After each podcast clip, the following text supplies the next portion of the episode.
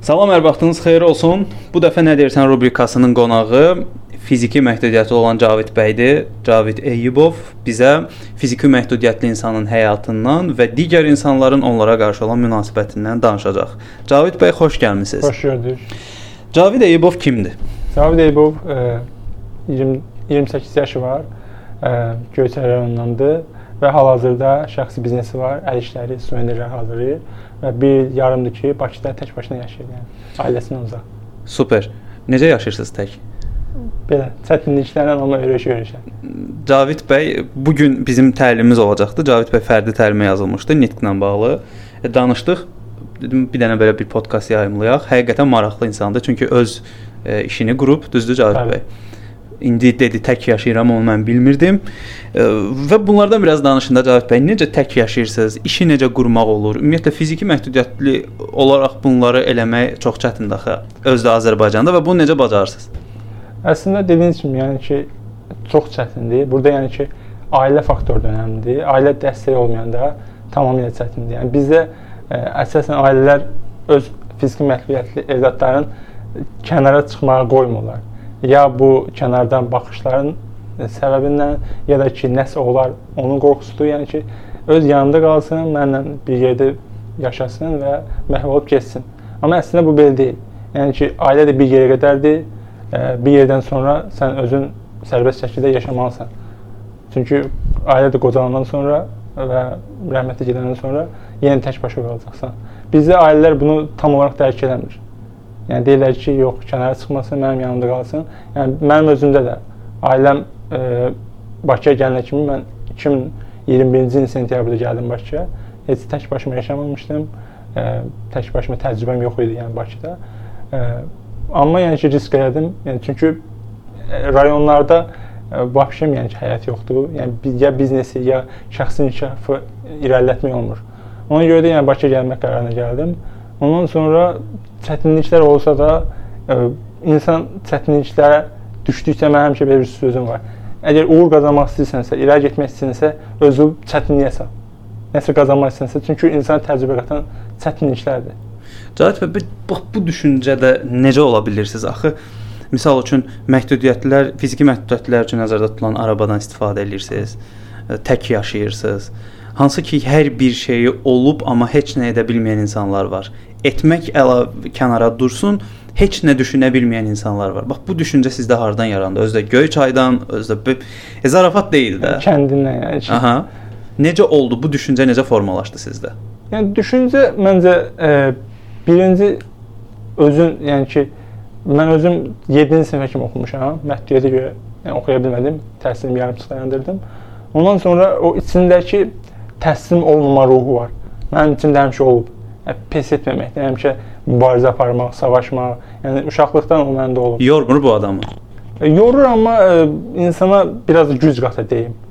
Yəni bəzi insanlar var, özüm də fikirləşirəm. Ətrafımda sağlam insanlar var.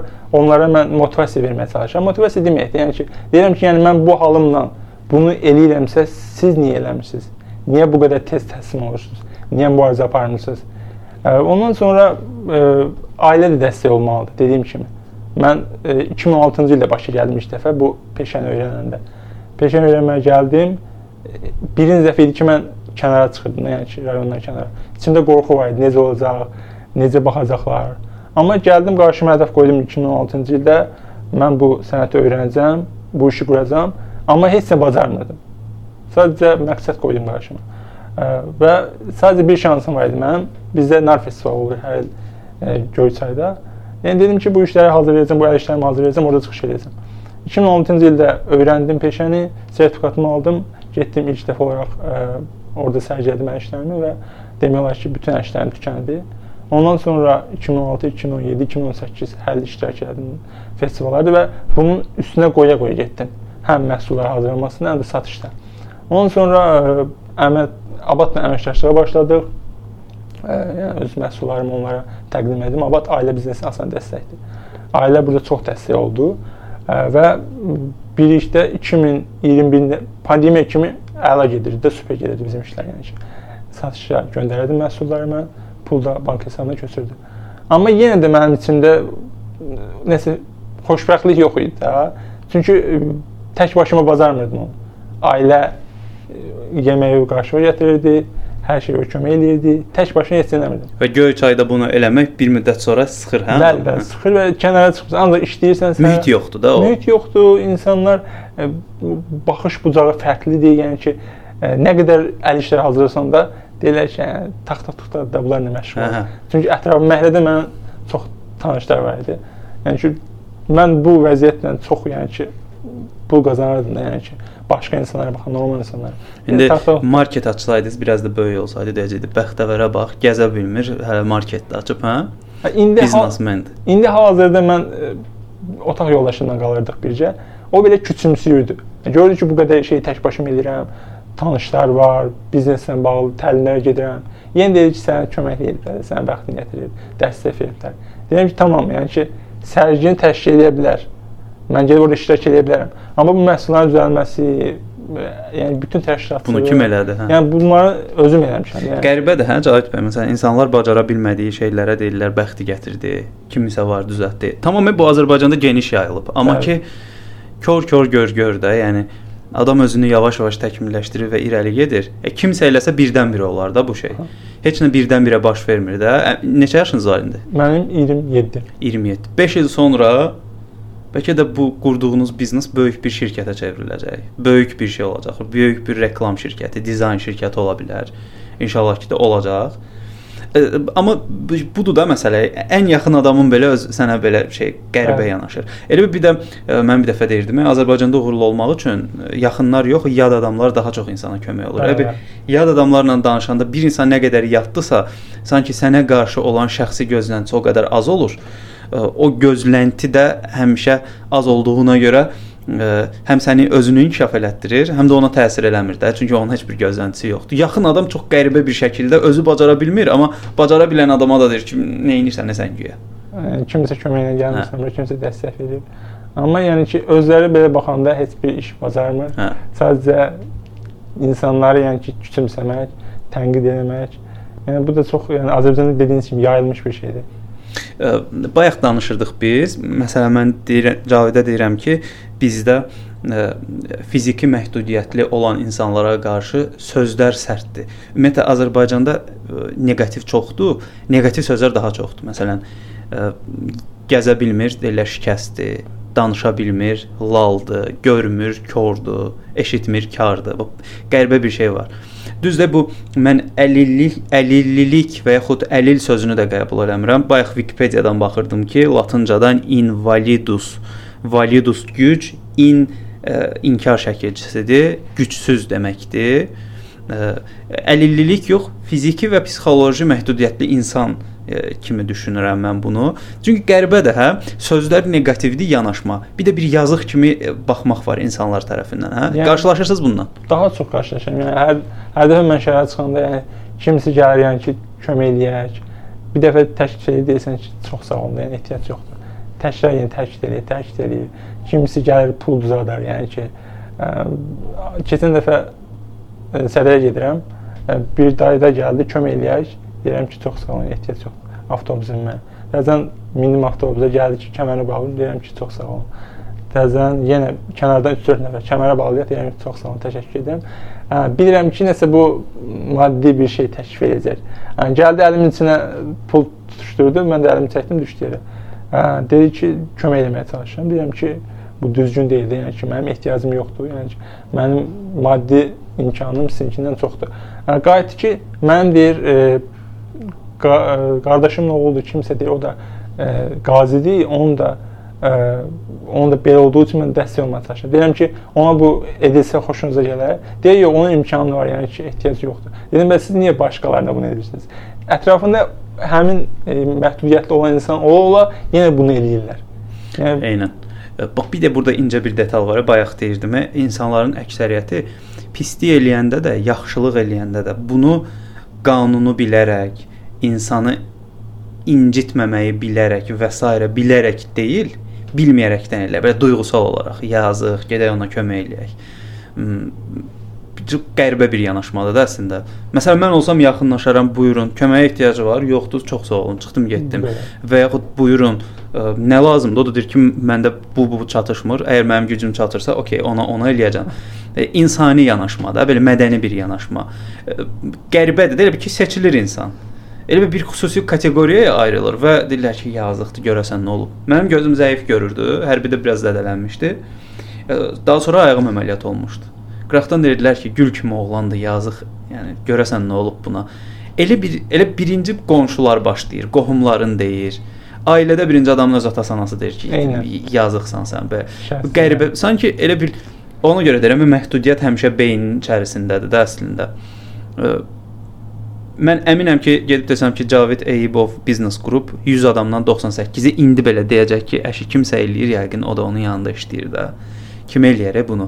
Çünki Azərbaycanda insanların öz ayaqları üzərində dayanıb nəyisə eləyə bilməsi inancı çox aşağı səviyyədədir. Bizə kimsə kömək eləyir. Varlı ata, varlı qaynata, tanış, dayday və s. və s. Adamlar özləri e, e, insanın özünə məşğul bir işləri görüb həyata keçirməsi nə inanmırlar. Qəribədir. Abad yeni yarananda mən onların orada biznes təlimləri keçirdim. Xanım var idi, çörək bişirirdi, gözəllik salonu açmışdı. Ə, he, süd məhsulları eləyirdi. Biz onlara ə, sahibkarlıq fəaliyyətinin o əsas hissələrini öyrədirdik. İşlərini qruplar amma heç kim onlara inanmırdı. Məsələn, Lənkərana getmişəm, xanımlar özləri sahibkarlıq fəaliyyətinə məşğul olurlar. Sonra bayaq sizə demişdim Gültəkin xanım var. Onunla da bir podkast düşünürük. O da fiziki məhdudiyyətlidir. ADA Universitetində çalışır rəhbər vəzifəsində. Yəni bunların hamısı şərtdir də bu işdə, düzdür? Əlbəttə. Hər şey demək ki, beynin içərisində başlayır və bunun əslində digər insanlara yox, elə özümüzə aidiyyəti var da. Hansı ki, heç bir məhdudiyyəti olmayan insan yerində yatır. O bir söz var, deyir Azərbaycan xalqı yatmış yerdə, oyadırsan gedib başqa yerdə yatır. Bunun kimi. Yəni Məsələn, arabanın təkərlərindən görürəm, yəqin ki, o Gədəbəydə dağda Bəli. olan şey, dağın palçığıdır, hə? Palçıq. Hə, yaylaq festivalına məsəl üçün getmişdiniz. O dağı qalxmaq, özdə araba Otağa ilə. qalxmadan sonra orada yəni ki e, mən qəbul etmədim harız oteldə falan qalmağı. Hər gün Gəncəyə gedib gəlmək idi. E, Orada çadırda qaldıq, o torpağın üstündə yatmaq, hər gün durmaq. Yəni ki, onlar hamısı çətinlik, dağda hərəkət etmək. Amma adam bir zövq alır da, düzdür? Təbii ki, zövq alır. Günün altında yan. Mən birinci dəfə idi, yəni ki, günün altında, yəni ki, hər işdən sərgilirdik. Günün altında yandığında qaralmışdı, yəni ki, hər gün orada insanlarla e, ünsiyyətdə olmaq, onlara yəni ki, e, əl işlərini təklif eləmək, təqdim eləmək. Yəni ki, təbii ki, bu zövqdur. Yəni ki, düzdür. Yaylaq festivalını bir çox adam tənqid elədi. Amma mən bunları bilə-bilə getmişdim və bunların qarşılaşacağımı bilirdim. Ona görə mənim üçün zövq aldı, təcrübə oldu. Yəni çətinliyi mən həmişə bir necə deyim, təcrübə kimi görürəm. Və bu mənə heç bir necə deyim, əks bir təsir göstərmir. Və 5 il sonra Cavid indikindən daha ön plana gəlib çıxanda artıq kənardan nə qədər də desələr o təsir eləməyəcək də, Düzdür. Ki, nə deyirsən də, amma bunu bunu mən buna görə eləyirəm də. Çünki bu gün həmin o yaylağa gedib orada çətinlikdə qalmaq 5 il sonrakı adamın rahat həyatını göstərəcək. Eyni ilə. 5 il sonra adam rahat istirahət eləyəndə daha yaxşı olacaq. Bizdə həm də bayaqki mövzuya qayıtsaq, bu ə, pul uzatmaq, yazıq gözü ilə baxmaq, ə, həm əlilliyi olan şəxslərin özündə də ə, günah var. Onlar da bu münasibəti sərgiləyirlər. E, ayağı yoxdur məsəl üçün, gedir dilənlərdə məsəl üçün, qabağına məsəl üçün pul pul qab qoyub qəpik ə, vermələrini gözləyir. Ə, Bir də keçmişdən gələn bu ə, mi- mif deyək, necə deyim, ə, qəlibləşmiş düşüncə deyək. Yəni ki, o vaxt yəni ki, düşünürlər ki, Sovetin vaxtında bu 50 olan şəxs heç nə bacarmır, heç bir bacarıqları yoxdur, ancaq ə, dövlətin verdiyi pensiya ilə, pulla dolanırlar. Amma indiki dövrdə yəni bir çox 50 olan gəncimiz var. Ə, öz şəxsi biznesləri var, təhsil alırlar, şirkətlərdə işləyirlər və indi indi bu fikir yavaş-yavaş dəyişməyə çalışırıq. Amma əvvəlki dövrdə bu yox idi. Ailənin də burada çox böyük ə, təsiri var. Təsiri var. Yəni, Ailəniz dəstək olur da. Yəni ailə dəstəyi olur. Təbii ki, ailə mənə dəstək olmasaydı, yəni ki, ə, indiyə kimi gəlməzdim. Maddidən də çox işin psixoloji tərəfi. Yəni əsas mənə psixoloji dəstək verdilər indiyə kimi. Maddidən mən dəstək olmağa çalışıram ailə. Cavit bəy, bax indi mövqeyiniz elədir ki, e, qarşımızda 10 min adam da olsa, e, deyə bilməz ya Cavid Eyübov kiminsə hesabına gəlib. Bax, Göyçaydan çıxıb hansı kənddir Göyçayda? Molla Hacı kəndi. Molla Hacı. Mərkəzə yaxındır, Xeyr, yəni uzaqdan uzaq. Kənddən çıxıb varlısınız, Xeyr, ailə varlıdır, okey. öz ayaqları üzərində dayanıb, özünə biznes qurub, sosial fəaliyyətlə məşğul olub, hələ də təlimə vaxt ayırıb və ailəsinə yardım edən adama qarşı Bunu demək ən azından haqsızlıq olar da. Çünki yeah. elə bir vəziyyətdir ki, artıq burada heç kim deyə bilməz də ki, Cavid Eyübov atası məsəl üçün irəli aparır və yaxud kiminsə tanışı var, o irəli aparır. Yəni nə bir nə qədər tanış olursa olsun, nə fiziki məhdudiyyəti olan bir adam niyə gedib dağın başına yaylağa getsin, festivala? Mən həmişə onu deyirəm. Mən əgər rahatlıq lazım olsaydı, dövlətin verdiyi pensiya ilə evimdə rahat qalardım, ailəm də mənə baxardı. Mən onu seçmədim Yəni ki, bu çətin seçdiyim, asan həyat seçsəydim və bunlarla mübarizə aparmağa başladım.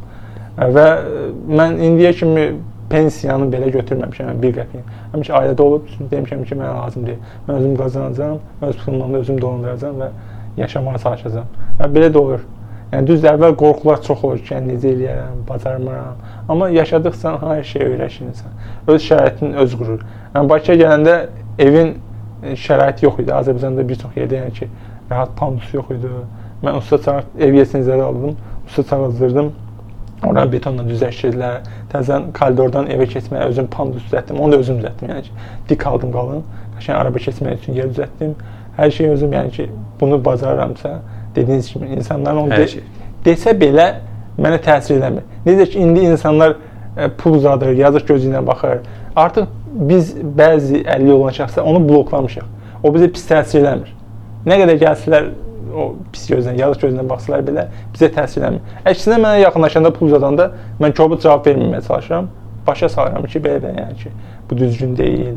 E, necə deyim, şəxsi biznesim var, öz pulumu qazana bilirəm. Belə olduğu halda insanlar da başa düşür ki, əslində belə deyil. 50 olan şəxslər özləri öz ayaqları üstündə dayana bilirlər və onlar da öz gələcəkdə öz uşaqlarına, övladlarına bunu ötürəcəklər. Amma mən onları kobudlasam, və yaxud sərt bir cavab versən, deyəcək, bu buna verməyim, gedim başqasına verim pulu. Bu bu şəkildə e, düşünürəm ki, biraz bu düşüncəni dəyişə bilərik. Qəşəng. E, çox sağ olun Cavid bəy, təşəkkür edirəm. 17 dəqiqə danışırıq. Düşünürəm ki, faydalı oldu insanlara, Hı, belə səmimi. Deyirsiniz nitqim pisdir, amma çox da qəşəng danışırıq. İnsan dərdini danışanda rahat rahat şəkildə ifadə edə bilir də. Bildiklərini danışanda normal şəkildə danışa bilirik. Belə, dinlədiyinizə görə də təşəkkür edirik. Ümid edirik ki, yormadıq sizi və faydalı oldu. Özünüzə yaxşı baxın. Növbəti podkastlarda görüşərik.